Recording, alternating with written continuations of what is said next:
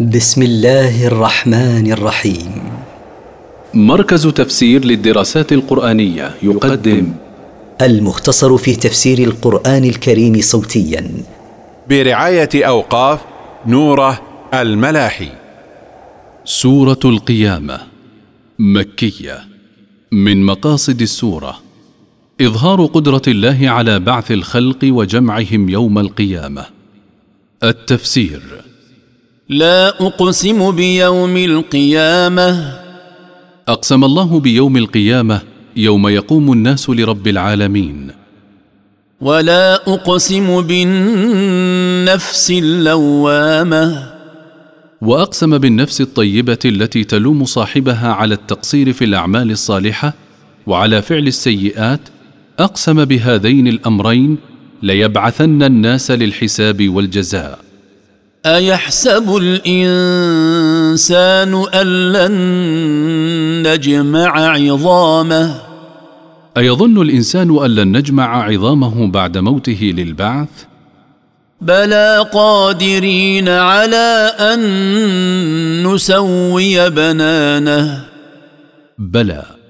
نقدر مع جمعها على إعادة أطراف أصابعه خلقا سويا كما كانت.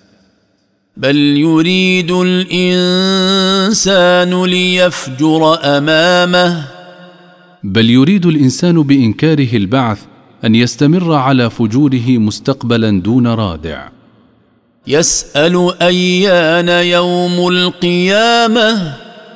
يسال على وجه الاستبعاد عن يوم القيامه متى يقع؟ فاذا برق البصر فإذا تحير البصر واندهش حين يرى ما كان يكذب به وخسف القمر. وذهب ضوء القمر. وجمع الشمس والقمر. وجمع جرم الشمس والقمر.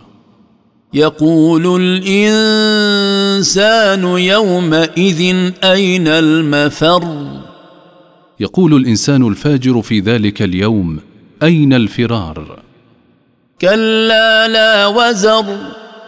لا فرار في ذلك اليوم ولا ملجأ يلجأ إليه الفاجر ولا معتصم يعتصم به. إلى ربك يومئذ المستقر. إلى ربك أيها الرسول في ذلك اليوم المرجع والمصير للحساب والجزاء. ينبأ الإنسان يومئذ بما قدم وأخر. يخبر الإنسان في ذلك اليوم بما قدم من أعماله وبما أخر منها. بل الإنسان على نفسه بصيرة. بل الإنسان شاهد على نفسه حيث تشهد عليه جوارحه بما اكتسبه من إثم.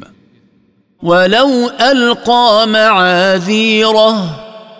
ولو جاء بأعذار يجادل بها عن نفسه أنه ما عمل سوءا لم تنفعه. لا تحرك به لسانك لتعجل به.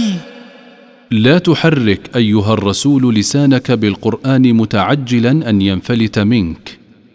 إن علينا جمعه وقرآنه.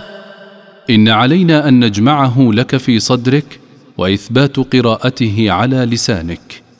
فإذا قرأناه فاتبع قرآنه. فإذا قرأه عليك رسولنا جبريل فأنصت إلى قراءته واستمع. ثم إن علينا بيانه. ثم إن علينا تفسيره لك. كلا بل تحبون العاجلة. كلا ليس الأمر كما ادعيتم من استحالة البعث فأنتم تعلمون أن القادر على خلقكم ابتداء لا يعجز عن إحيائكم بعد موتكم لكن سبب تكذيبكم بالبعث هو حبكم للحياة الدنيا سريعة الانقضاء. وتذرون الآخرة. وترككم للحياة الآخرة التي طريقها القيام بما أمركم الله به من الطاعات وترك ما نهاكم عنه من المحرمات.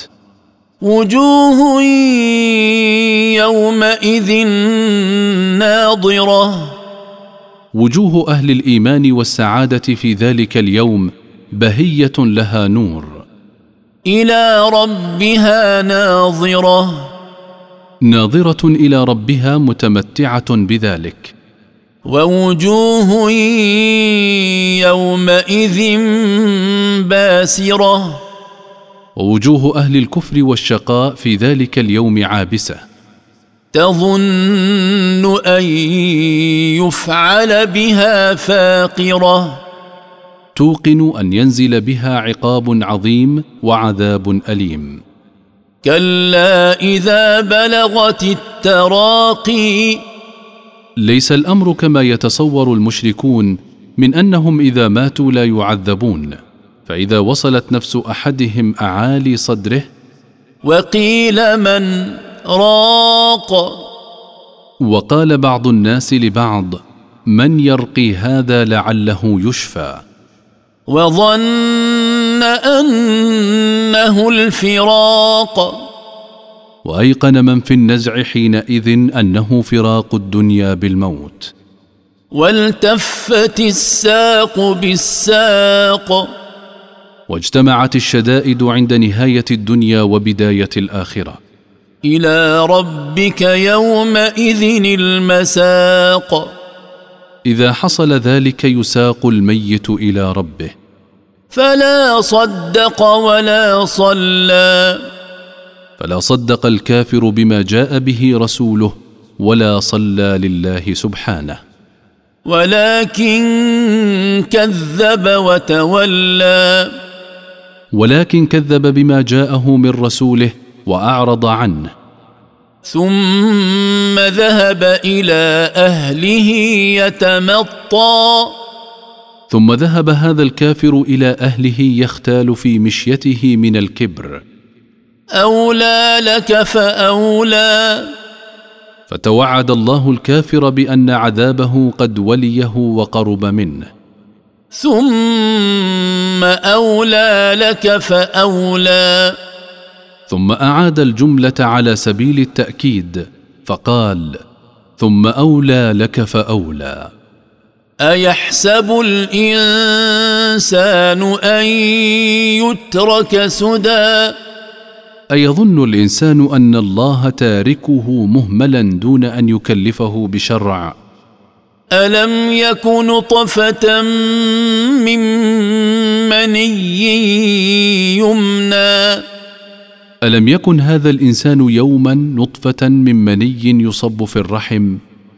ثم كان علقة فخلق فسوى. ثم كان بعد ذلك قطعة من دم جامد ثم خلقه الله وجعل خلقه سويا. فجعل منه الزوجين الذكر والأنثى. فجعل من جنسه النوعين الذكر والأنثى. أليس ذلك بقادر على أن يحيي الموتى؟ أليس الذي خلق الإنسان من نطفة فعلقة بقادر على إحياء الموتى للحساب والجزاء من جديد؟ بلى إنه لقادر.